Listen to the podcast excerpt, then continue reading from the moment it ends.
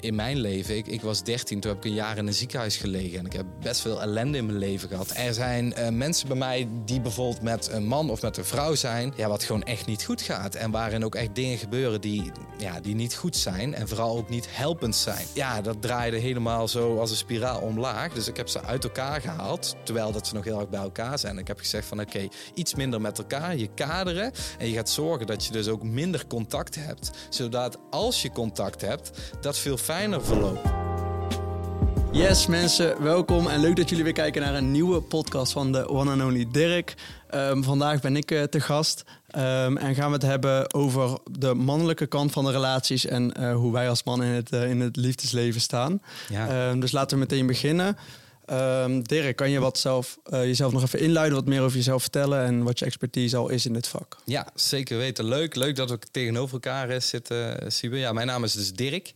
Um, een aantal dingen die mijn persoonlijkheid, denk ik, um, definiëren. Ik denk dat ik aan de ene kant een man ben die best wel daadkrachtig is die richting belangrijk vindt en daar ook echt voor gaat staan. Um, duidelijke normen en waarden heeft en daar, uh, ja, daar echt voor gaat staan. Aan de andere kant denk ik dat ik best wel een, um, ja, ook een, een zachtere kant heb. En dat ik uh, ja, dat, dat empathie ook wel iets is wat mij uh, omschrijft. En um, ja, wat, wat ik heel belangrijk vind in het leven, ook die beide, beide kanten om die in balans te brengen. Dus ik denk dat dat iets zegt over mij als persoon. Mm -hmm. En mijn professionele achtergrond, um, ik, ik ben mentor in de liefde. Um, en dat doe ik al 15 jaar. Mijn achtergrond uh, zit hem in, uh, in verschillende therapievormen. Dus vooral in de psychologie, waar ik heel erg in ben uh, opgeleid ja, pas een berekening gemaakt. Ik heb al meer als uh, duizenden mensen tegenover me gehad. Al meer dan 10.000 gesprekken gevoerd. Dus Zo. dat... Uh, flink, flink wat vlieguren dus. Ja, flink wat vlieguren. Ja, zeker weten. En uh, okay. het is natuurlijk mijn grote passie om... ja, om... Ik doe het al heel mijn leven, maar om mensen tegenover me te hebben. En ik vind het ontzettend gaaf dat wij vandaag tegenover elkaar zitten. We ja. kennen elkaar natuurlijk al een tijd. Ja, en, ja. Achter de camera spreken we vaak over, over persoonlijke ontwikkeling. Maar vooral ook over liefde en relaties. Dus ik vind mm. het heel gaaf om daar samen de diepte in te duiken. Ja, ja laten we... Laten we meteen induiken. Zeker. Um, ook voor mij even, om even zelf voor te stellen. Uh, mijn naam is Siebe um, en wij kennen elkaar vanuit een zakelijke relatie, om het Zeker. even zo te benoemen. Ja. Uh, maar toen kwam ik al heel snel achter dat uh, jij vol met kennis zit. En ook specifieke kennis die de meeste mensen niet hebben. Dan zit ik zelf ook in een relatie, heb ik daar ook wel eens wat problemen mee. en dacht ik, ja, super tof om eigenlijk zo'n gesprek te gaan voeren. Misschien haal ik er zelf ook nog wat uit. Dat denk ik wel. Ja, ik denk het ook. En ik moet ook zeggen, ik heb heel wat vrienden naast me en om me heen die ook tegen best wel wat problemen aanlopen. Maar ik merk dat mannen het vaak moeilijk vinden om daarover te spreken.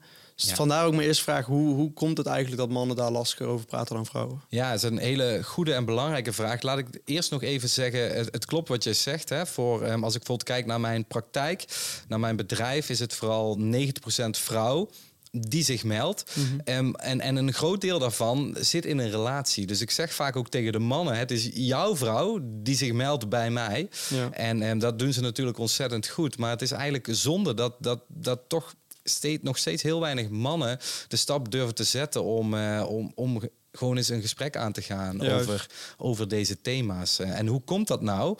Ja, dat kun je vanuit verschillende invalshoeken bekijken. Kijk, over het algemeen gezien zie je vaak dat, uh, dat is een beetje kort door de bocht, maar dat de man vaak minder de prater is. Ja. Um, en, en soms ook een bepaalde trots heerst om, om ergens hulp voor te zoeken, omdat ze ja. het idee hebben dat ze het allemaal zelf moeten kunnen. Um, en wat ik ook wel vaak zie in liefde en relaties, uh, ja, dan, dan zoek ik toch wel weer een nieuwe vrouw. Of dan, uh, ja, het is allemaal lastig, allemaal gedoe en dan, en dan ga ik maar weer, uh, ja, dan, dan is er vast wel iemand leukers of iemand spannenders.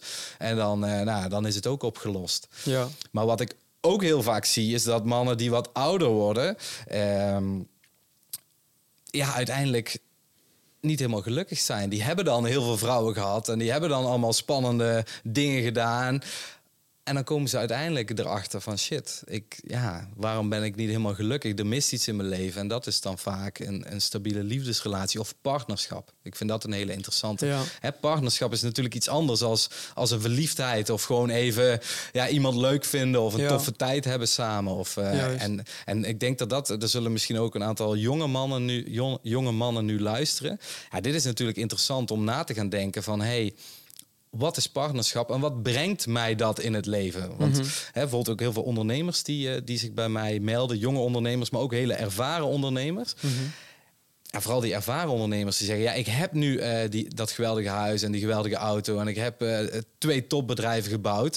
Ik heb heel veel vriendinnen gehad maar ik wil graag een kind of ik wil graag een, een, een stabiele relatie. Want ik mis gewoon die, die diepgang. Ja. En waarom lukt me dat niet? Ja, en, uh, ja dat, dat en wat, is dan meestal de reden voor die, dat die diepgang mist? Nou ja, soms zie je dat mensen, en dat zie je vooral bij, bij mannen die graag succesvol willen zijn, dat ze, mhm. ja, dat ze ook daardoor soms wat vermijdend kunnen zijn. Ik herken dat trouwens ook in mijn leven. In mijn eerste relatie, negen jaar had ik, uh, zat ik in mijn eerste relatie zeker. Flink. Ja, ja was je toen ook jong? Of ja, ja, ik begon op mijn zestiende. Nou, tel dan negen jaar bij. Ja, 27, uh, 25. Ja, 25, ja. Ja, wat, wat, wat ik toen heel erg bij mezelf merkte, was een beetje die vermijdende dynamiek. Dus als het dan even lastig wordt en uh, ja, over gevoelens praten, ja, dat is al helemaal lastig. Ja. En um, ja, dan, dan deed ik letterlijk of figuurlijk zette ik stappen terug. En dat, dat roept natuurlijk iets bij de ander op. Oh, maar stappen terug als in je gaat minder met ze om of je vermijdt contact of hoe moet ik dat zien? Ja, dus, dus als zij een emotioneel beroep op mij deed, dan ja. merkte ik dat ik dat dan lastig vond. Want mm dat is natuurlijk kwetsbaar. Dan moet je naar jezelf kijken en dan komen mm dingen dichtbij. Mm Ja, dan vermeed ik bijvoorbeeld heel diepgaand contact over een bepaald thema. Of dan oh, uh, ja. ja, had ik toch het idee, ja, ik moet ergens toch een beetje vrij blijven. Ja. Um, ik weet dat toen ik de relatie verbrak, of wij verbraken hem samen. Mm En um, toen dacht ik toch van, wow, ja, vrijheid, fijn. En nu, uh, nu gaan we het allemaal ontdekken. En, ja. ik, en het duurde niet lang voordat ik uh, huilend op de bank lag en dacht van, ja, shit, dit is het niet. Dit, oh. dit is het niet. Want, want wat, neem even mee, want daar ben ik wel benieuwd naar. Ja. Want ik denk dat heel veel mensen, en voornamelijk heel veel mannen, zich best wel in mij kunnen herkennen. Als je soms een beetje het gevoel hebt van, hey, misschien zit ik soms een beetje vast, of misschien wil ik al een keer nog mijn vleugels spreiden of iets in die richting. Ja. Um, al kom ik daar meestal dan later wel weer op terug. Dat ik denk, hey, misschien was het maar even in het moment voornamelijk. Ja. Maar hoe, hoe ga je daar dan mee om? En, en voornamelijk als je dan vrij bent, van waarom voel je daarna zo slecht? Ja, ja. Hele belangrijke en goede vraag. Ik zou eerst nog even dit willen zeggen voor de mensen die in een relatie zitten, er zijn twee dingen ontzettend belangrijk die, die, die, daaraan, die eerst belangrijk zijn om, om duidelijk te hebben. Kijk, als je soms twijfelt over een relatie, en dat geldt voor iedereen, kijk, één thema is ontzettend belangrijk. Je moet elkaar echt meer als leuk genoeg vinden. En dit gaat vaak ook wel fout aan het begin in relaties. Dat, dat mensen elkaar eigenlijk wel leuk vinden, maar niet echt leuk vinden. Dus dat je beide ook voelt van oké, deze, deze vrouw of deze man in mijn leven, die wil ik echt niet gaan verliezen. Dat vind ik ontzettend belangrijk. Ten tweede moet er um, bereidheid zijn voor een relatie of bereidheid zijn in partnerschap. Want als die bereidheid er niet is en de kennis, wat is dat nou dan, een relatie? En wat is dat nou, partnerschap? Juist. Hè? Daar moet je kennis over hebben. Dan moet je bereid toe zijn om dat ook echt aan te gaan. Want dat is mhm. iets anders als even gewoon leuke dingen met elkaar doen. En uh, een beetje fijne seks hebben. En uh, snap je wat ik bedoel? Dat is iets heel anders. Hè? Een liefdesrelatie of partnerschap. Dus dat, dat is belangrijk. Uh, waar denk ik heel veel mensen sowieso veel, veel meer over te weten mogen komen. Wat dat is en hoe dat bij hunzelf werkt om vervolgens, als je dan merkt van ja, misschien wil ik, hè, je zegt het mooi, mijn vleugels spreiden en eens te gaan ontdekken wat er, uh, wat er allemaal nog meer is. Want dat is wat je bedoelt volgens mij. Ja. ja. Kijk, belangrijk als je, als je jong bent. Kijk, ontdekken is, is, is goed, hè? trial and error. Dus, dus voor, voor iedereen in het leven is het natuurlijk belangrijk om te ontdekken. Um, dus het zou raar zijn als ik zeg dat moet je absoluut niet doen. Um, en het is natuurlijk belangrijk als je op een bepaalde leeftijd komt dat je gaat vastpakken en dat je gaat kiezen en dat je gaat bouwen en dat je richting gaat hebben. En ik denk dat dat natuurlijk in liefde en relaties is natuurlijk ontzettend uh, een prachtig thema om dat daarin te gaan doen. Ja, maar, want dat is dan meteen weer echt een vraag vanuit mij van Wanneer kies je nou voor om nog te ontdekken en wanneer kies je ervoor om te gaan bouwen? Ja, ja dat is een goede vraag. En het zou raar zijn als ik daar één, één antwoord op heb. Want het is mhm. natuurlijk heel uh, persoonsafhankelijk. En dat, dat heeft ook natuurlijk te maken van waar sta je in je leven en wat heb je meegemaakt. Ik weet, in, in mijn leven, ik, ik was 13, toen heb ik een jaar in een ziekenhuis gelegen. En ik heb best veel ellende in mijn leven gehad. Ik deel daar niet zo vaak over, omdat het vaak niet relevant is. Maar voor mij was het heel belangrijk dat ik daarna best wel in een soort van ontdekkingsfase kwam. Omdat ik natuurlijk ja, heel lang ehm, niet mee kon, letterlijk en Ja. figuurlijk en lichamelijk. Dus, dus voor mij was het super belangrijk om, te, om te, daarna te gaan ontdekken van wie ben ik nu eigenlijk en wat is belangrijk voor mij en wat wil ik en hoe leef ik gezond en, Ja. en hoe kan ik, kan ik vrij leven. Juist. Eh, maar ik kan me voorstellen, mensen met andere achtergronden of ja, andere, andere fases in hun leven, dat, dat, ehm, dat dat op een ander moment in hun leven belangrijk is. Dus Maar hoe, zeg maar, is er wel iets ehm, om aan te wijzen van... hey, als dit voorkomt in je leven, is het misschien een goed moment om te gaan settelen... of, of juist nog niet? Of is dat niet echt zo'n ik universeel dat, ik- antwoord ik, voor? ik vind dat heel erg zwart-wit. Van oké, Ja. maar als je die leeftijd hebt of als je in die relatie zit, Juist. dan moet je gaan settelen. ja, Ehm, kijk, de ene persoon heeft, heeft veel meer behoefte aan om te settelen dan de ander. En de Mhm. een heeft veel meer behoefte aan bijvoorbeeld ehm, geborgenheid ehm, dan de ander. De een heeft veel meer behoefte aan, aan vrijheid dan de ander. ja. Wat wel interessant is, is om na te gaan waarom heb ik daar zoveel behoefte aan en is het helpend voor mij. juist. Dit leg ik altijd uit aan mensen, nou, in dit geval liefde en relaties. Mhm. Waarom gebeurt er wat er gebeurt en waarom heb ik die behoeftes of heb ik die gevoelens zoals ik ze heb? En wat zegt dat over mij? En is het helpend? Dus bijvoorbeeld, als ik jou als voorbeeld mag nemen, stel jij zou vaker de gedachte hebben van: oké, ik heb een ontzettend leuk, leuke vrouw in mijn leven.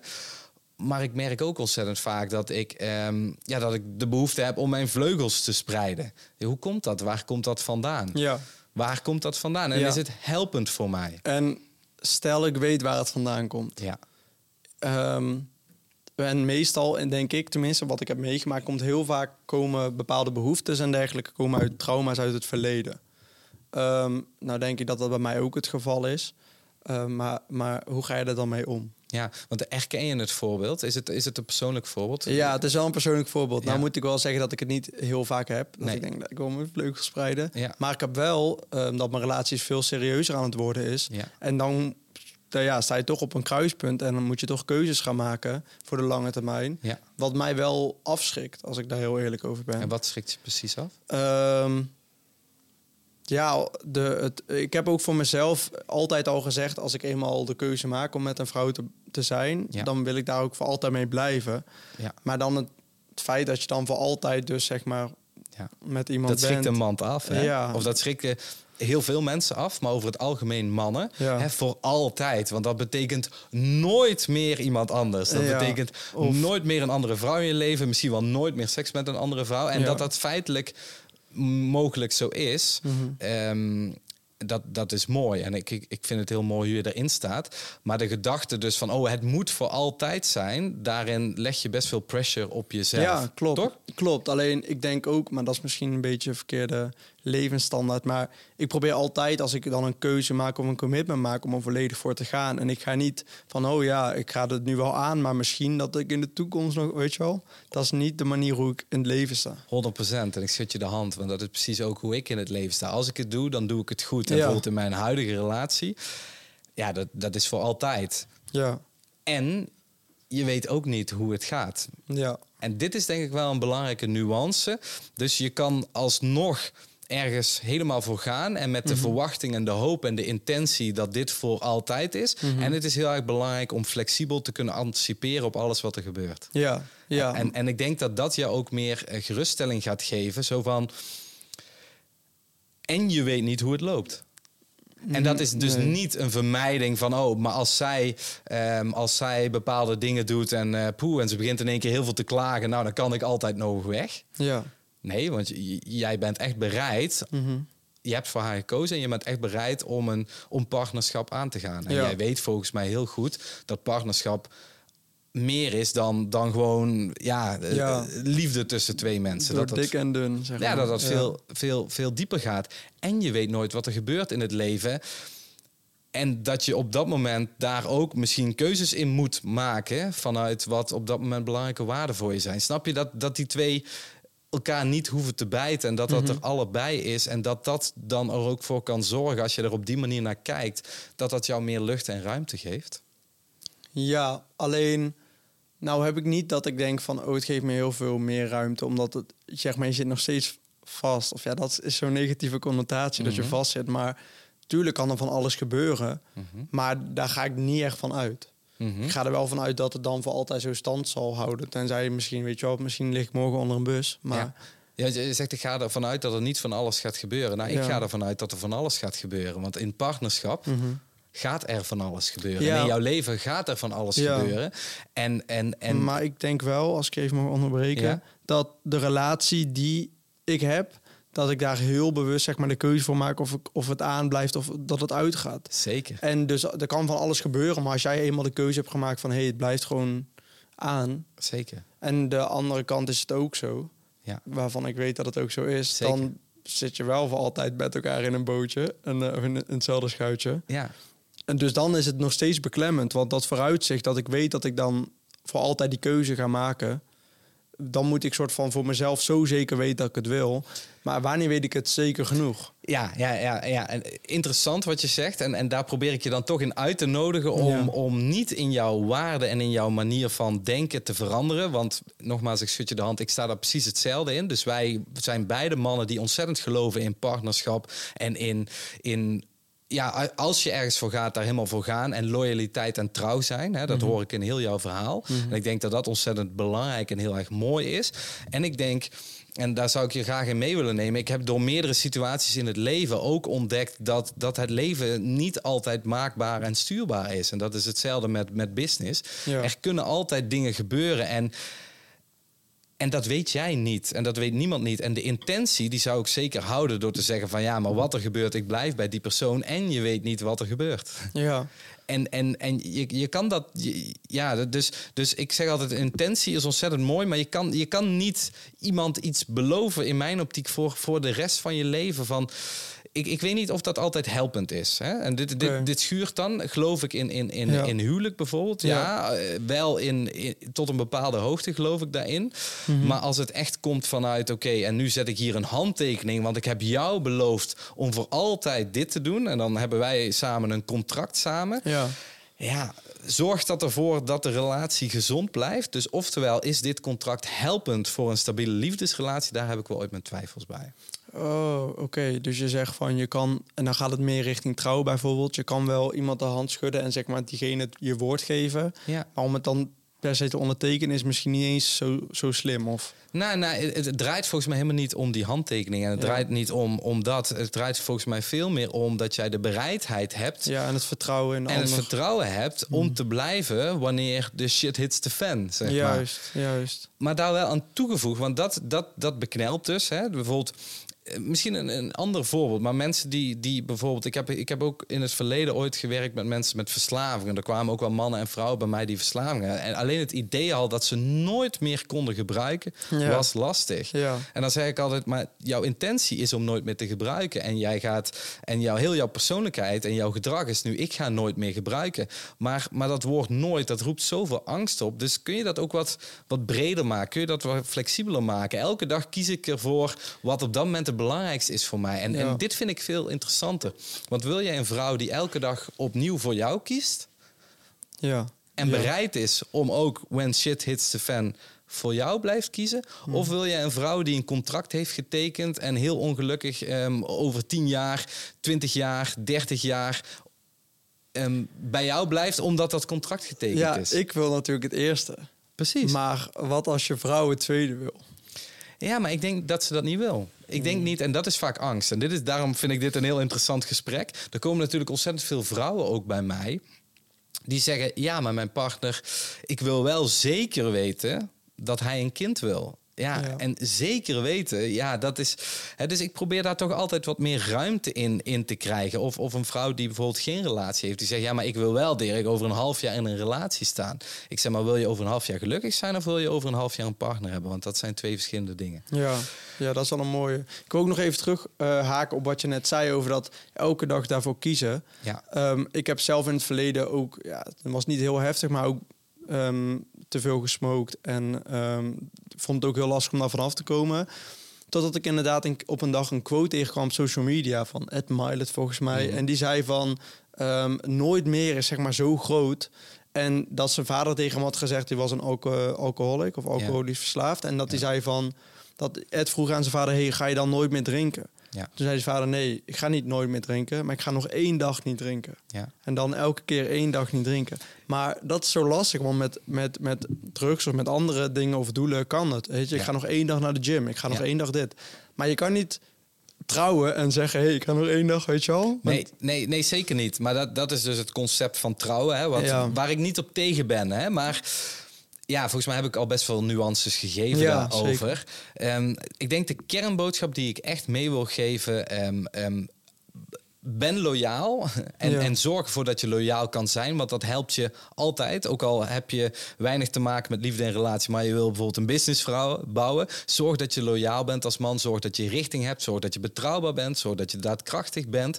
Dat is echt enorm belangrijk. En durf dus ook te kiezen voor iemand met, met het idee van: oké, maar dan blijven we voor altijd bij elkaar. Jij bent echt mijn vrouw en elke dag ga ik opnieuw van jou houden. En enige mate van flexibiliteit en niet vanuit vermijding. Niet vanuit vermijding van oké, maar ik laat dat deurtje open. Dus ik stuur af en toe die leuke vrouw nog een DM. eh, want ja, als het dan ooit uitgaat, dan eh, kan ik altijd nog naar haar. Nee, dat is niet wat ik bedoel, want dan is het vanuit vermijding. Maar meer vanuit die volledige daadkracht en volledig ergens voor kiezen en weten dat het leven het leven is. En dat, ja, dat het leven niet altijd maakbaar is. En dat je elke keer daar weer op kan anticiperen met de richting die je hebt gekozen. En dat Ja. geeft dus iets meer ruimte. Mhm. Ehm, en en dat, dat, dat gaat je in ieder geval veel verder helpen in het leven. Dan dat hele narrow, Juist. strakke. Ja, je moet het niet zo vastzetten in kaders misschien. Nee, Dus- want dat geeft jou heel veel, ehm, dat geeft jou heel veel stress. Ja. Maar wel ontzettend eerlijk naar jezelf zijn. Dus als jij merkt dat je in gedrag, hè, ik gaf net een voorbeeld, dan toch nog die ene leuke vrouw Ja. continu liken. En dan af en toe nog even een berichtje om weer even te voelen van, oh ja, hey, er ligt nog een lijntje. En dat is iets anders. Hè? Mhm. Want dan ga je dus vermijden. Dan ga Ja, ja precies. Oké. En ehm, dit vind ik ook wel een interessante. Zeg maar, je vroeg net van hey, het is heel interessant. Waar komt een bepaald gevoel nou vandaan? Dat Ja. dat er is, dat is prima. Maar waar Ja. komt het vandaan? Ja. Maar als je weet waar het vandaan komt, wat moet je er dan mee doen? Ja, en herken je bijvoorbeeld waar het bij jou vandaan komt? Ja, ik heb wel, ik heb wel eh, vermoedens waar het vandaan komt. Wil, wil je dat delen? Ja, ehm, weet ik niet. Nou, ik kan het wel heel globaal delen. Ja, beetje. deel wat je wilt delen. hè? Ja, ja dus bij mij is het een beetje... Ja, hoe zou ik dat zeggen? Ik heb denk ik in het verleden niet genoeg aandacht gekregen... van iemand waarvan ik wel meer aandacht wilde krijgen. Ja, ja. Eh, en ik denk als mijn vrienden dit zien, dat ze helemaal stuk gaan. Ehm, Want? ja, omdat we het hier wel eens over hebben gehad. En toen is het een beetje een meme geworden. Oké, ja. Ehm, maar ehm, ja, en, en daardoor heb ik blijkbaar een bepaald verlangen gecreëerd voor mezelf dat ik ja, bepaalde aandacht wil krijgen van mensen om te Ja. kijken of ik wel goed genoeg ben. En, en dan Ja. ga je een beetje die, die richting op. Zeker, zeker. Ehm, ja. En, en zeg je daarmee dan ook van als je dan in een relatie zit, dat. Dat, dus dan, dan betekent dat dat er minder aandacht is van, van bijvoorbeeld andere vrouwen in je leven. En dat dat iets doet met jouw eigenwaarde en jouw zelfverzekerdheid. Ja.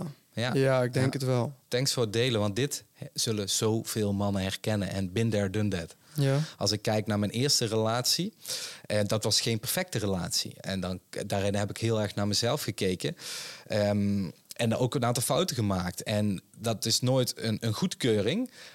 Maar ik, ik was gewoon zeer onzeker Mhm. in die tijd. Ik was zeer onzeker. En, ik, en, en dat heeft een heel verhaal. En ik heb net al wat gedeeld over dat ik lang in een ziekenhuis heb gelegen. En een hoop ellende. Nogmaals, geen, geen excuus. Maar ja, en dat maakte dat ik, dat ik dus alleen maar bezig was met erkenning en erbij horen en gezien worden. En ook van vrouwen dus. Ja. ja. En dat heeft mij ehm, best ongelukkig gemaakt. Mhm. Maar hoe, zeg maar... Ik ben ook naar een bepaalde retreat gegaan daarvoor... Ja. en ik probeer er ook aan te werken, maar... eh, en op zich gaat het wel, gaat het echt steeds beter en beter Ja. en beter. Ja. Maar wat, wat moet je met zo'n gevoel doen? Want soort van het gevoel zit er wel, ook al weet je misschien waar het vandaan komt... en ook al weet je dat het misschien niet goed is. Ja, je hebt, je hebt net al iets genoemd waarin ik denk daar niet helemaal het antwoord zit. Tegenwoordig zijn er bijvoorbeeld heel veel retreats en evenementen. Ik heb zelf in mijn leven ook ooit eh, retreats georganiseerd. Ik ben Ja. ook eh, yoga- en meditatiedocent. Veel Oh. mensen weten dat niet van mij. Hele, hele lang ook het spirituele pad eh, bewandeld. Ja. Ik zeg altijd daar heel veel mooie dingen uit meegenomen en heel veel bullshit achtergelaten. Kijk, mensen die bij mij mee op retreat gingen, was ik altijd heel eerlijk. Dan zei ik, het is 70% wellness en 30% groei. Mm Retreats zijn ontzettend goed in wellness creëren. Ik weet dat jij toevallig gisteren naar de sauna bent geweest. Ja, klopt. Ik het toevallig ook. Ehm, niet naar dezelfde. Um, super fijn, snap je? Je bent er relaxed van geworden. Hè? En, en, maar gaat dat relaxte gevoel weer weg? Ja, absoluut. Ja, zeker. Absoluut. Dus dan moet je nog een keer naar de, naar de, naar de sauna. Ja. En dan is dat relaxte gevoel er weer. En dat is in mijn optiek een beetje het probleem met wat er tegenwoordig heel veel wordt aangeboden. Mm. Het wellnessgehalte is ontzettend hoog. Het groeigehalte is ontzettend laag. En waarom is dat zo? Wellness verkoopt goed. Hè? Flinke marketing eromheen, helemaal fijn. Hè? Um, transformeer jezelf. En, uh, en ook, ook binnen de mannenwereld, maar ook binnen de vrouwenwereld. Ja. Um, zie je het natuurlijk ontzettend veel. Mm -hmm. de meeste mensen die bij mij komen, hebben al verschillende coaches gehad of zijn al verschillende retreats uh, geweest en zeggen: Ja, maar Dirk, waarom zit het er nog steeds? Ja, je, je zult veel veel meer lagen dieper moeten om daar iets te beïnvloeden. Om in het hier en nu een ander gevoel of een ander gedrag te krijgen. Ja, ja want nou, bij die retreat was er eigenlijk geen wellness. Het was echt puur gewoon ehm, echt naar je limiting beliefs graven. En ook een soort van één op één therapie sessie. Oké, ja, dat is wel belangrijk. Dat, ja, dat echt... Waarbij je dan met je ogen dicht en dan moest je jezelf toen je klein was voorstellen. En diegene een hand geven of knuffel geven of iets in die richting. Dus dat was wel echt daarop gericht. Maar het is nou niet dat ik elke dag voor de spiegel een, een quote sta te halen van hé, hey, je bent goed genoeg en weet je wel, dat, dat doe ik niet. Nee. Misschien dat dat zou helpen, maar, maar ik heb nog wel soms dat ik denk van ja, dat, dat, dat gevoel zit er soms nog. Of dat ik merk onderbewust dat als ik ergens ben, Ehm, dat je toch zeg maar op dingen let waar je eigenlijk misschien helemaal niet op wil letten, maar dat zit soort van erin. Gaat dat er ooit uit? Gaat dat ooit weg? Ehm, ja, ik denk dat de, de, de, nuances, ik denk dat er meerdere dingen spelen. Mm wat jij zei over, hey, ik heb he, tegenwoordig heel, heel hip heet dat inner child work. Hè? Dan laten mensen in meditaties laten ze dan contact maken met dat innerlijke kind. Ja, ik leg altijd vanuit de schematherapie uit dat is dat, hè, dus, dus zo'n meditatie is niet bijvoorbeeld, wat het niet is, is is uh, een imaginatie en rescripting, wat ik vaak toepas bij dit soort dingen um, in, in sessies met, uh, met mensen die bij mij zijn. En dan gaan we echt nog veel dieper en dan gaan we dingen ook rescripten. Want waar we het eigenlijk over hebben, is dat er niet voldoende rekening is gehouden met een aantal basisbehoeften mm -hmm. uh, in je jeugd en in je opvoeding. En dat wil je echt rescripten. Dus daar wil je niet alleen enkel contact mee maken, maar dat wil je ook met terugwerkende kracht beïnvloeden. En dat gaat nog wel veel verder als enkel een visualisatie bijvoorbeeld.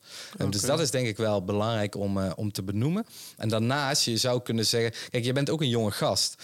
Um, dus... dus ja, je, je, je, en dit, dit is denk ik heel belangrijk voor alle jonge mannen die ook, ook luisteren. Ik ben bijna tien jaar ouder volgens mij als je. Um, ja, het is ook een proces in leeftijd. Het is dus ja. een proces in leeftijd waarin ja. je, kijk, tien jaar geleden dacht ik anders over dingen dan dat ik nu denk. Dus, dus in, in, in jong zijn zit ook een bepaalde mate van trial en error. En ja. dat, dat hoort erbij. Okay. Um, en dat is ook waar we het gesprek mee beginnen. Hè, tegenwoordig heel veel jonge gasten, maar ook jonge vrouwen. Ja, ze zien alles online en ze horen allemaal van, van mensen met veel meer levenswijsheid. Van ja, je moet het zo doen en je moet het zo doen. En, en luister naar mij en volg die stappen. Mm -hmm. En dan word je net zo gelukkig en rijk als ik. Ja, Terwijl, en rijk. En rijk, ja. Maar, maar wat, wat, wat er niet bij verteld wordt, is, is hun levensreis en ook, ook een bepaalde mate. Je ziet mij vaker dit doen en ook vaker spreken over ruimte. Dat is natuurlijk ontzettend belangrijk. Dat, dat, dat het zo dus niet werkt. Dat, ja. dat niet alles zo narrow kan zijn. En als ik maar elke week en, en zes keer per week naar de fitness ga, dan krijg ik dit. Of zo, ja. zo zwart-wit is het niet. En het is niet zo scherp. Mm -hmm. En ik denk dat dat voor jou in dit geval ook heel erg belangrijk is. Ja. He, dus stel, jij zou bij mij komen, je zou zeggen: Hey Dirk, um, ik ben ontzettend gelukkig met mijn meisje. Maar hoe komt het nou dat ik af en toe toch steeds een beetje in die vermijdende kanten schiet? Of dat ik toch, ja, toch dan twijfel en heel veel pressure voel en er niet helemaal voor durf te gaan? Uh, als ik dat zou vragen? Ja. Um, ja, ja stel, stel, dat je dat aan mij zou vragen. Ja. Wat zouden we dan doen? Nou, dan zou ik sowieso... Um, kijk, mensen die bij mij komen... Ik laat altijd een aantal vragenlijst filmen vanuit de psychologie. Dat we echt heel diep gaan naar... hey, wat speelt er nu precies? Mm -hmm. um, en ik zou vooral met jou willen kijken... waar, waar, waar wil je naartoe? Waar wil je mm -hmm. naartoe? En dan gaan we onderzoeken van... wat, wat zit daar nou precies? Wat we moeten beïnvloeden... Mm -hmm. om uiteindelijk bijvoorbeeld... dat je over een half jaar zegt van... hé, hey, maar over een half jaar heb ik duidelijk van... ga ik voor die relatie of ga ik daar niet voor? Ja. En ga ik daarvoor in volledige vertrouwen? Ja. Ja, ja en dan, maar ik denk ook dat er nog wat meer problemen bij komen kijken. Mhm. Ehm, ehm, wat ik ook veel bij mijn vrienden om me heen zie gebeuren in relaties, uh, voornamelijk mannen, is dat zeg maar, als man kom je in een relatie met een bepaald gevoel of een bepaald doel of wat dan ook. Ehm, maar dat kan, het kan ook heel goed zijn dat er bij de vrouw bepaalde dingen nog niet helemaal goed zitten. Of niet, Zeker. niet weet je wel. Het zit altijd twee, twee relaties. En mijn moeder zegt dat altijd zo leuk. Zegt altijd van, ze vergelijkt de relatie een beetje met een, met een knuffel. En zeg maar, ik kan mijn armen open doen voor iemand om een knuffel te geven. Maar als diegene niet dichterbij wil komen, dan kan ik die knuffel nooit krijgen. 100 procent. Dus het moet van twee kanten komen. En ik heb ook een beetje het gevoel, en ik ken ook twee casussen echt van mensen dichtbij mij, um, waarvan er ook gewoon dingen aan de andere kant moeten gebeuren of moesten gebeuren. En wanneer maak je nou de keuze van hé, hey, ik, ga, ik, ik laat het los en het gaat hem gewoon niet worden? Of hé, hey, ik blijf hoop houden en uh, hopelijk verandert er nog wat. Ja, ja, misschien mooi wat ik hierover kan uitleggen. Ik zeg altijd, in een relatie denk ik vaak in cirkels. Dus de eerste, eh, maar in het leven, de eerste cirkel ben jij zelf. Dus dat is een cirkel om jou heen. Ja. Uh, met, met jouw mooie kanten, met jouw lastige kanten, met wat je daarin tegenkomt, wat je net ook zegt. De tweede cirkel is jij met iemand samen. Maar die, die persoon heeft dus ook een eigen cirkel. He, dus in het voorbeeld wat jij schetst, als je met iemand bent die nog best wel problemen heeft, best wel dynamieken heeft, die niet heel erg helpend zijn voor haarzelf en voor, jullie samen. Die eerste cirkel van haar, die raakt en bepaalt natuurlijk ook die tweede cirkel van mhm. jullie samen. Mhm. En dit is, dit is het mooie, bijvoorbeeld waar, waarin ik me onderscheid tussen heel veel relatietherapeuten, daarom noem ik me ook geen relatietherapeut. Die werken alleen aan die cirkel samen. Maar het is nog veel interessanter om twee individuen te hebben die aan een eigen cirkel werken. En natuurlijk aan de cirkel samen. Maar als we aan een knop draaien van die eigen cirkel, dan beïnvloedt dat ook het samen. Nu terug naar, jou, naar jouw vraag.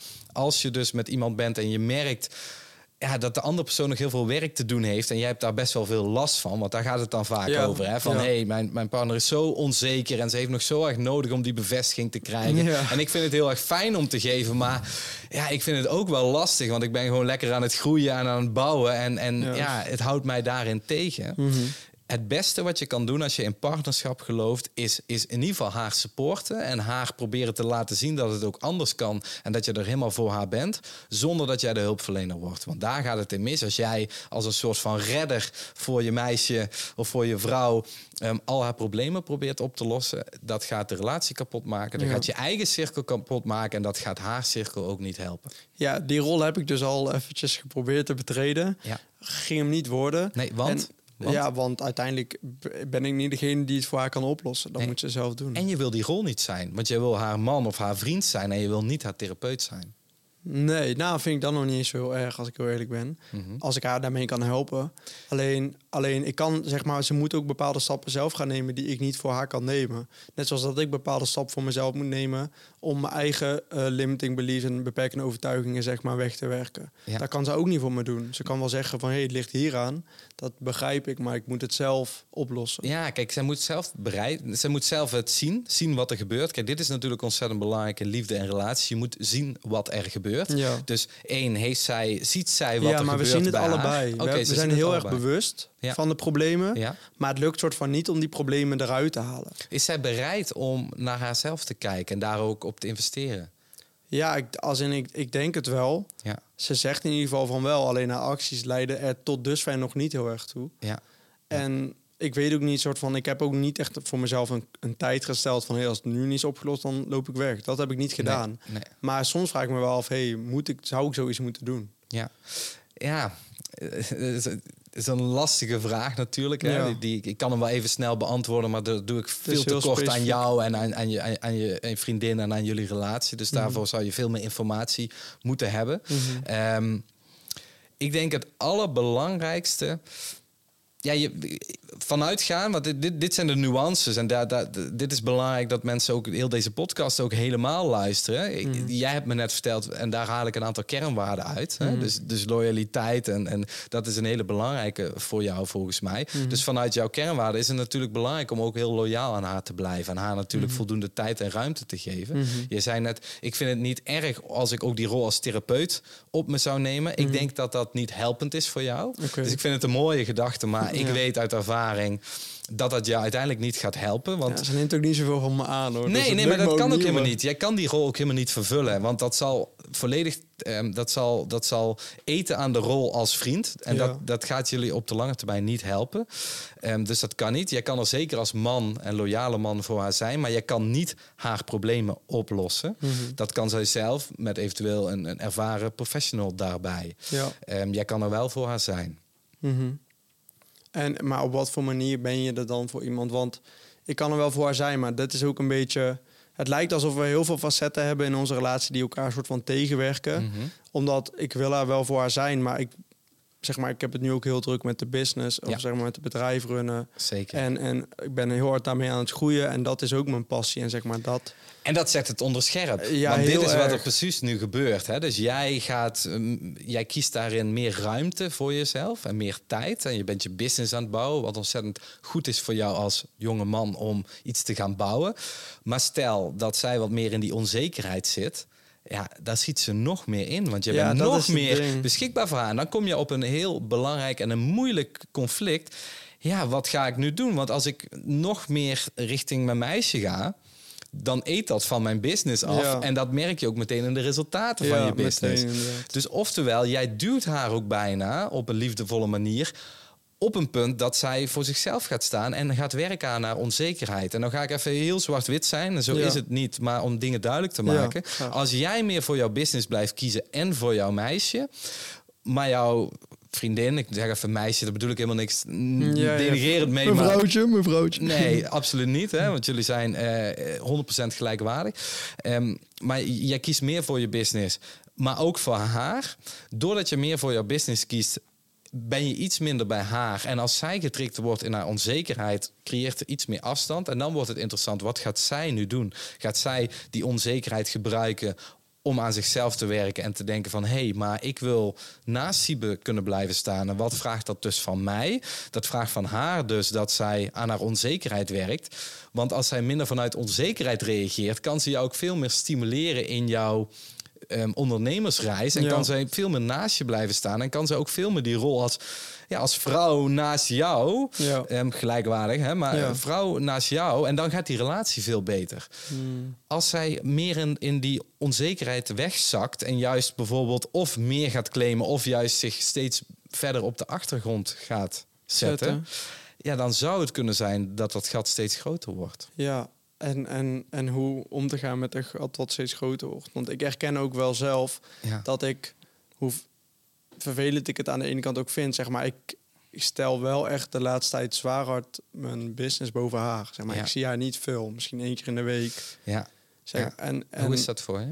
Ja, ik vind het wel lastig aan de ene kant. Ja, ik zie het in je ogen ook. Ja, Het raakt je bijna ook. ja, ja. maar, maar het soort van de business is ook wel mijn droom. Zeg maar, ik wil, Zeker. zeg maar, het zijn nu de jonge jaren dat ik hard kan, eh, Ja. ja. hard kan werken. En ik doe het heel graag en ik vind het heel tof om te doen.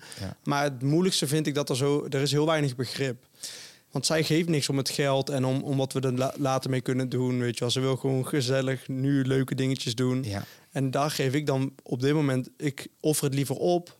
En ik zeg, hé, hey, ik ga nu knallen. Ja. En dat botst.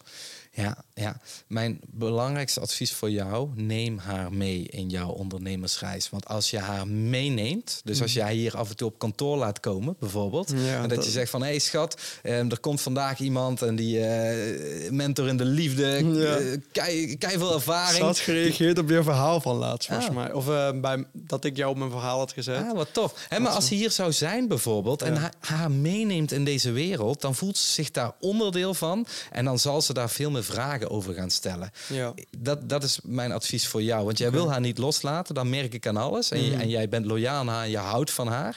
Het is een belangrijk, klopt toch? Je houdt Ja. enorm van haar. Ja, klopt. Ja, en dat gaat veel dieper dan dat mensen nu zien. Ja. Er is iets tussen jullie. Hè? Mhm. Net in de podcast gezegd, dat moet er zijn. Als dat er niet is, dan had ik een ander advies aan je gegeven. Als Ja. ik dat niet voel bij jou, Mhm. dan had ik gezegd... hey Siebe, ja, dat zou misschien een beetje awkward zijn... om dat dan in deze podcast te doen. Hè, maar dan had ik dat wel eerlijk gezegd. Of dan had Mhm. ik gevraagd, wil je me een eerlijk advies? Maar ik voel die liefde. ehm, en dat is iets anders dan de loyaliteit. Je hebt heel veel liefde naar haar. Daar zit natuurlijk ook nog loyaliteit bij.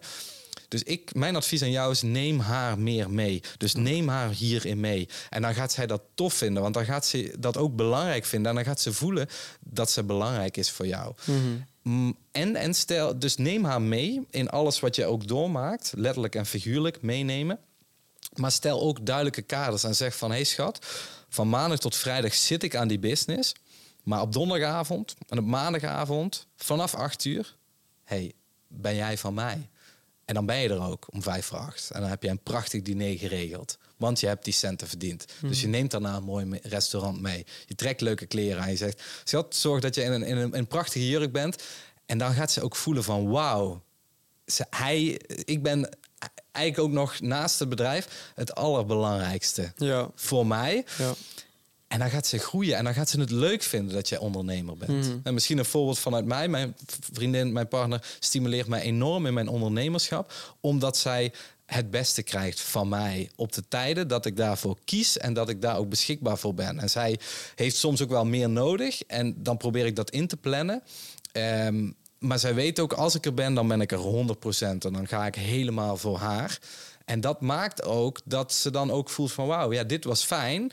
En zij weet bijvoorbeeld dat ik dan op maandag, bijvoorbeeld vandaag... gewoon de komende week business is. En dat ik Ja. dan wat minder tijd heb. Maar als ik dan een tegenvraag mag stellen, Ja, heeft je vrouw ehm, ook dat als ze dan wat meer tijd van je krijgt, Ja. dat, ze dan nog, dat het dan weer moeilijker is als je dan weer naar, Zeker, zeker, Dat is zeker. moeilijker om, zeg maar. Ja, dat is lastig om dan ook weer, hè, dit is hechting en onthechting. Ja. Hè? Want hoe serieuzer de relatie, want dat is letterlijk wat je net zei, hoe serieuzer de relatie, hoe sterker natuurlijk dynamieken ontstaan. En daarom zie je ook vaak dat relaties na een paar jaar misgaan. Mhm. En dat is zonde, want in die, in die twee, drie jaar, als je dat punt hebt bereikt, dan zijn die dynamieken op zijn sterkst. Ja, dan wil je eigenlijk, eh, ik zeg altijd, dan moet je me bellen. Want, Ja. want dan kunnen we dingen beïnvloeden. Want dan kom je die persoonlijke patronen tegen. En als je daar een weg in vindt, ja, dan kom je bij het goud uit. En dat is partnerschap. Ja, oké.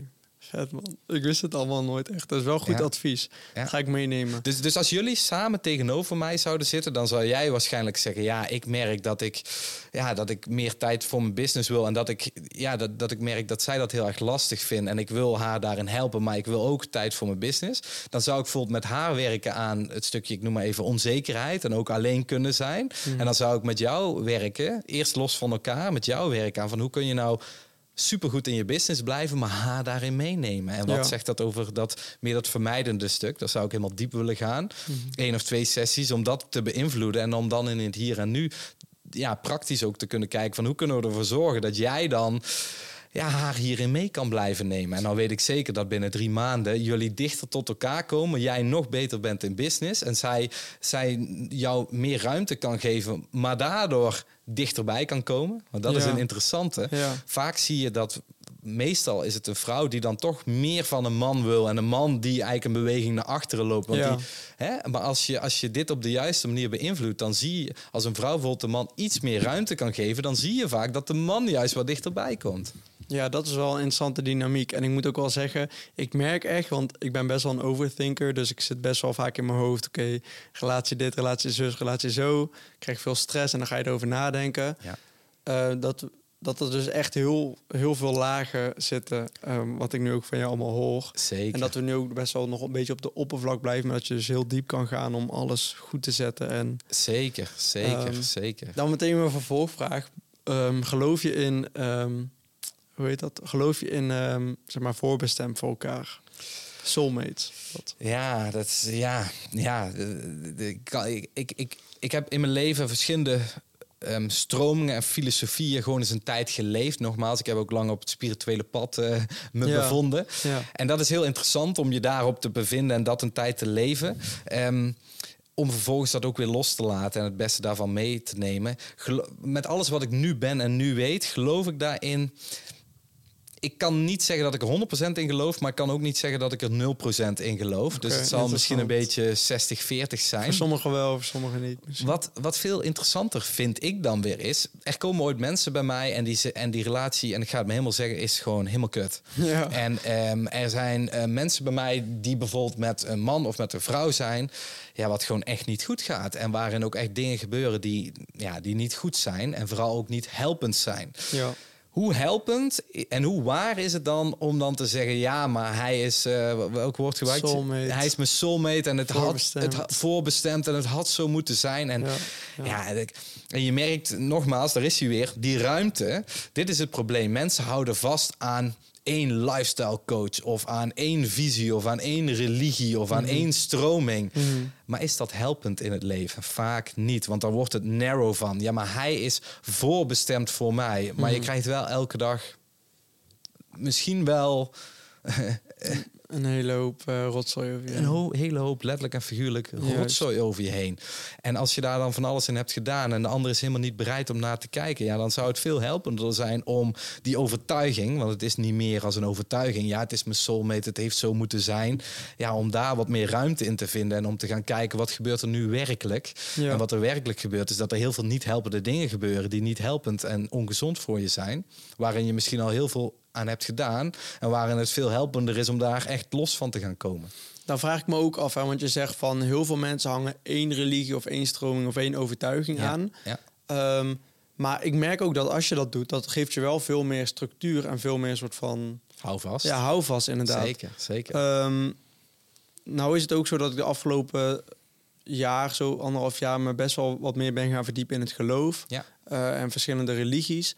En daar hebben ze ook allemaal natuurlijk een bepaalde opvatting van over hoe je een relatie aangaat en hoe je die hoort te voeren en wat dan de partnerrollen zijn. En eh, wat is jouw kijk daar een beetje op?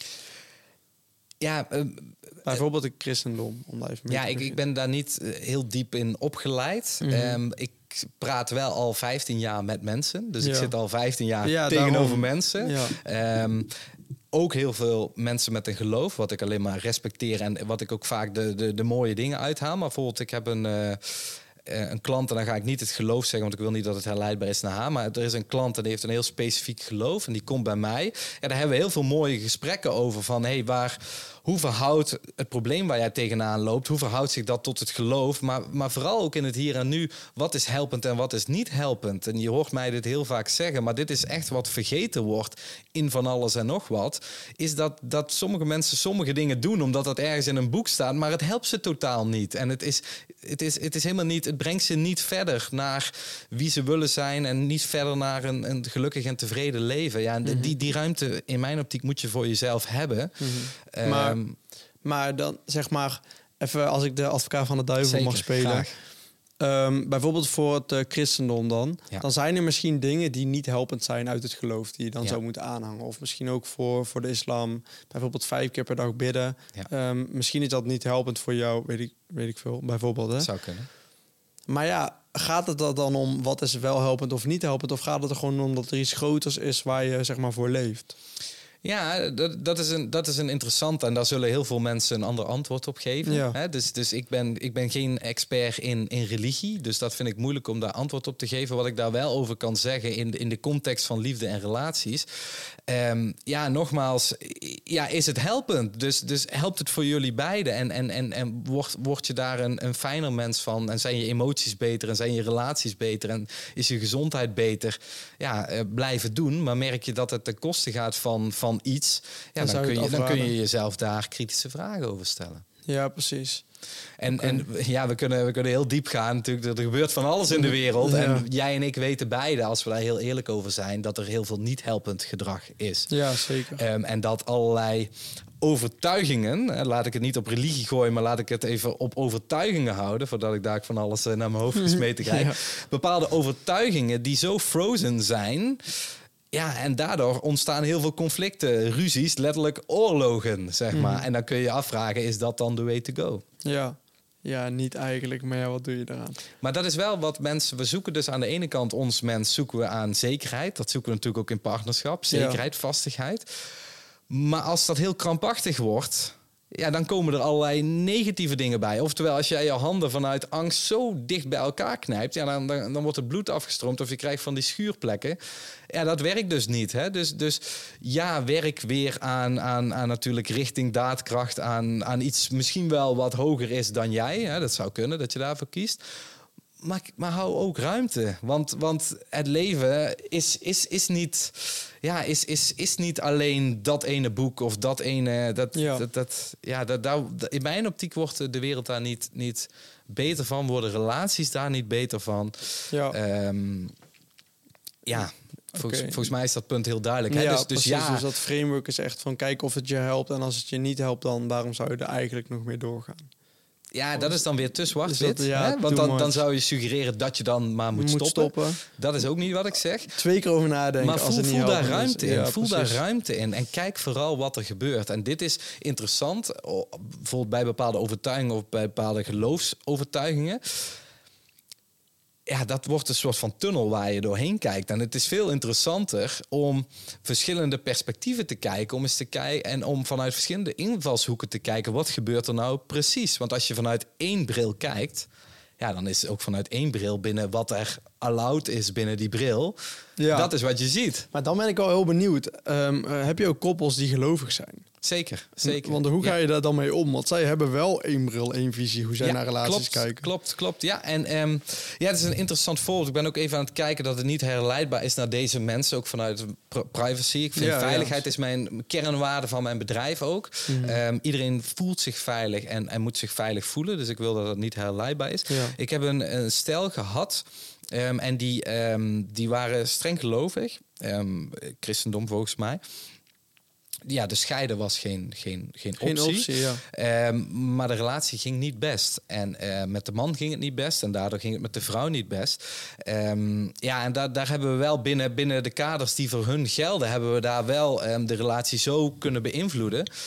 dat ze veel gelukkiger met elkaar zijn. En dat Ja? er veel Oh, meer helpend gedrag is tussen beiden. Ja. Want, want daar draait het uiteindelijk om. Dus dit, dit vind ik ook...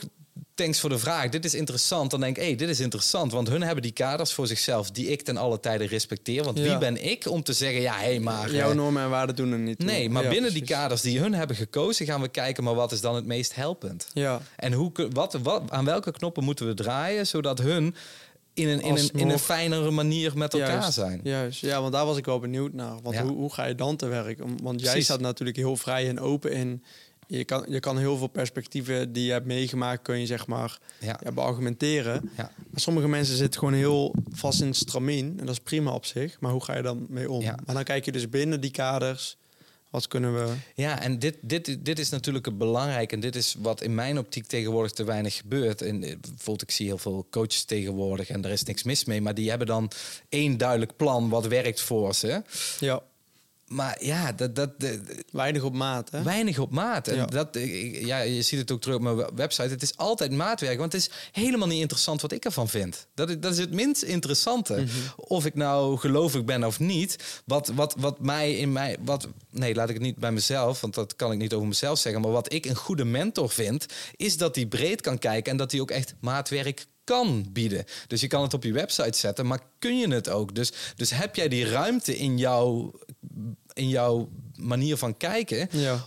om ook daarin de juiste dingen te zien? Of, of ben jij al heel erg bevooroordeeld en ben je al in een soort van frozen en een narrow manier van kijken? Want hoe goed kun je dan iemand helpen? Ja, ja, zeker. Dat vind ik interessant. Ja, dat is ook heel interessant. Ja. Heb, je dan, heb je dan ook wel eens een casus waarvan je gewoon die relatie... dat je gewoon meteen ziet van ja, dit gaat me niet worden? Ehm, ja, en dat is best wel lastig ooit. Ehm, en, maar en, en ik heb dus die ruimte in mezelf dat ik het ook niet precies weet. Ik denk, want ik, ik Juist, echt wel tuurlijk. Intuïtie in ook wel. Ehm, ik zet denk ik heel veel kennis in en bepaalde ook meetinstrumenten, et cetera, die ik inzet. Ja, en ervaring die je over de jaren En ervaring, maar je weet het nooit zeker. Er is Ja. een klant bij mij ehm, en daar had ik geen vertrouwen in, in die relatie. Ja. En die gaat echt heel erg goed. En dat is, Oh, dat is echt goud om te zien. En hoe is dat dan ontstaan? Tijd, tijd en veel investeren. Dus daar heb ik ook deze gezegd. En, ehm, en vooral ook, ze, beide zagen ze ook wel in dat er zoveel triggers waren bij elkaar. Maar er was ook iets wat ze bij elkaar hield.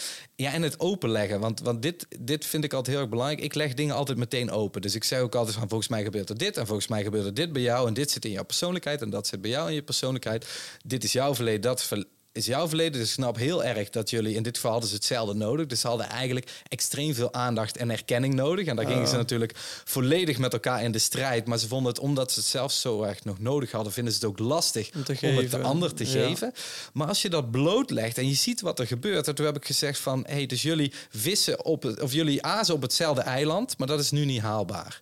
Dus laten we dat vooral ook nu niet als doel zetten. Dus wat ik heb gezegd, laten we los van elkaar ook zorgen dat jullie beiden dat eiland minder nodig hebben, Mhm. zodat er uiteindelijk ruimte komt om op dat eiland samen te zijn. Juist. Oh, vet man. En dan kunnen ze alsnog, zeg maar, met Precies. elkaar door één deur. Dus ik heb letterlijk gezegd, jullie gaan elkaar minder zien. Dus, dus nu zien ze elkaar eh, twee of drie keer per week. En eerst probeerden ze eigenlijk heel veel samen te zijn. Omdat Ja. ze beiden ook heel bang waren om elkaar te verliezen. Ja. Maar ook niet de veiligheid konden geven dat ze bleven. Ja. Dus dat was natuurlijk... Ja, dat draaide helemaal zo als een spiraal omlaag. Dus ik heb ze uit elkaar gehaald. Terwijl dat ze nog heel erg bij elkaar zijn. Ik heb gezegd van oké, iets minder met elkaar. Je kaderen. En je gaat zorgen dat je dus ook minder contact hebt. Zodat als je contact hebt, dat veel fijner verloopt. Maar dat merk ik wel. Maar dat is een beetje ook, denk ik, een beetje een probleem. Is dat als je iemand niet heel vaak ziet, dan als je elkaar dan ziet, dan is het meestal wel gewoon leuk. Want je hebt elkaar even een tijdje niet Ja. gezien. En dan kun je die tijd wel vullen. Ja. Maar als je elkaar wel elke dag ziet, dan is het voor mijn gevoel dan juist de kunst om het nog steeds leuk te houden. 100%. En dat is natuurlijk ook waar we nu weer naar aan terug aan het werken zijn. Maar, ja. maar er was zoveel, ehm, zoveel clash, zeg Ja. maar, dat, dat je soms even nodig hebt om ruimte te creëren. Ja. Ehm, ja. en, en ook dat persoonlijke ontwikkelingsstuk. Hè? Want dat is letterlijk het voorbeeld wat, wat jij ook geeft. Ik, ik gun jouw vriendin dat ze daarin naar mag gaan kijken. Mhm, Want het is echt goud waard. En jullie relatie is volgens mij goud waard. Als, als jij kan zorgen, als jij gaat werken aan dat stuk... hoe kan ik haar wat meer meenemen? Want ik Ja, denk dat dat, ook vind raakt aan lastig. dingen. Ja, dat weet ik. Dat, vind doe jij ik ook heel slecht. Precies, want ik geef dat niet, niet voor niks, dat Nee, voorbeeld, nee, nee, omdat ik dat daarom. merk en zie. Ja. Hè? Dus jij vindt het heel lastig om haar hierin mee te nemen. En Mhm. dat is interessant. En dat krijgen we niet in, in heel deze podcast helemaal opgelost. Hè? Maar dan zouden we dan een aantal gesprekken ja. moeten hebben van... hey, hoe kunnen we ervoor zorgen dat jij haar meer meeneemt? En dan zou ik met haar gaan zitten en zeggen van... hey, en hoe kunnen we ervoor gaan zorgen dat jij... ehm, want wat doet ze precies? Zet ze een stap terug en gaat ze, en dan ga ik heel erg overdrijven. Hè? Ja. Gaat ze eigenlijk meer van, ja, meer het slachtofferschap van, ja, maar jij neemt me toch niet mee en, en ik ben dus blijkbaar niet belangrijk voor je? Of gaat ze juist meer stappen naar voren, meer het claimende doen? Eh, en wat hou- houdt het claimen erin? Ja, dus steeds nog meer een beroep op jou doen. Eh, beide. Kan ja. dat ook beide? Ja, zeker weten. Dus aan de ene weten. kant is het zo van ja, laat maar zitten, ik ben toch niet belangrijk. Ja. Aan de andere kant is het wel van zeg maar nog meer. Ja, nodig zeker. hebben. Ja, dank voor het delen, man. Ja. Dit, dit is mijn vak. Dit Het is, mijn zo vak. kut. eh, zo meteen word ik allemaal geroost hier online. maar- Ja, nee, maar echt respect. Respect voor het delen. Ik weet dat heel veel mensen dit gaan herkennen, dat ze daar heel veel uit hebben. En, en eigenlijk is dit gewoon een kijkje in de keuken. Want dit is letterlijk wat ik elke dag doe. En dat is heel erg mooi, met heel veel liefde en respect. Want we hebben het hier over vanuit, en nu is ze er niet bij, maar Mhm. Ja, vanuit... daarom het voelt een beetje awkward. Want je praat over iemand die Snap heel ik. dierbaar voor me is en die heel erg bij me staat. Ja. Maar ze kan hier nou niet over meepraten. En dan zo meteen ziet ze dit en dan denkt ze: hey, hoezo zeg je dit over mij? En Ja, maar, maar ik denk wat jij eerst gaat doen, is natuurlijk even met haar deze podcast nabespreken. Ja, en als er ooit dingen zijn, dan halen we dat er natuurlijk uit. Hè? Dus zij mag daarmee helemaal op één lijn staan. Of wat ik ook wel eens doe, ik heb wel eens vaker gesprekken met mensen, dat we gewoon morgen even of overmorgen even in Zoom even samenkomen. Ja. Om dit gewoon goed te doen. Maar dit Ja. is ook. Tweede belangrijke ding als je op zoek bent naar een mentor. Kijk, mensen kunnen shit openbreken, maar kunnen ze het ook lijmen en kunnen ze het holden? En dit is, ehm, ik heb ooit een podcast opgenomen met Anna Bootsma. Ontzettend toffe vrouw die ontzettend eh, interessante ehm, ehm, content maakt online. Ze zegt ja, tegenwoordig. linkje, linkje in de beschrijving. Ja, bijvoorbeeld. Eh, ehm, die zegt ja, elke, elke coach kan tegenwoordig eh, dingen zeggen om trauma te openen, maar kunnen ze het ook holden en weten ze wat er gebeurt? Ja, dat is, dat is vaak een probleem. Dan Ja. moet je gewoon de juiste opleiding voor hebben en de juiste ervaring. Dus, dus hoe Want ik hiermee omga, dit is echt niet de eerste keer dat me dit gebeurt. Ja. Want ik weet gewoon, ik ga diep. Hey, Ja. en bij deze een uitnodiging om eh, gewoon eh, even samen met z'n drieën in de Zoom te zitten. Ja. En, ehm, eh, en dan gaan we gewoon even de juiste dingen nog eens herhalen. Want, want het is helemaal niet, het is absoluut nooit een aanval. Het mag ook geen aanval zijn. We leggen het open op tafel. Waarom? Omdat jullie en ik in jullie relatie geloof. Mhm. Nou hoef ik haar niet voor te zien. Ik wijs vaak naar hier, maar ze is er niet. Ja, ja. Maar ik weet echt genoeg dat, dat, dat jullie alle potentie hebben om daarmee verder te Ja, gaan. ik geloof er ook in, maar het is, je weet nog niet helemaal hoe je het moet gaan bewandelen. Ik denk dat Nee. dat het meer is. Ja, ja, ja. Dus ja, als je dit ziet. Ja. Ja. Ja. maar volgens mij als ze hier kijkt, is dat alleen maar liefde. Want waarom jij dit deelt, is vanuit liefde voor haar en vanuit liefde voor de relatie. En omdat jij nog een betere man wil zijn. ja, Want dat, dat ook. Kijk, als ik het had opgegeven, dan had ik er ook, was ik er ook niet over in gesprek gegaan. Nee, precies, Dan precies. was het gewoon, had ik Ja. het naast me neergelegd. Ja. Dus wat ik jullie heel erg mee wil geven. Jij werk aan haar meer meenemen. En zij nog wat merken dat ze misschien wat zekerder daarin voelt.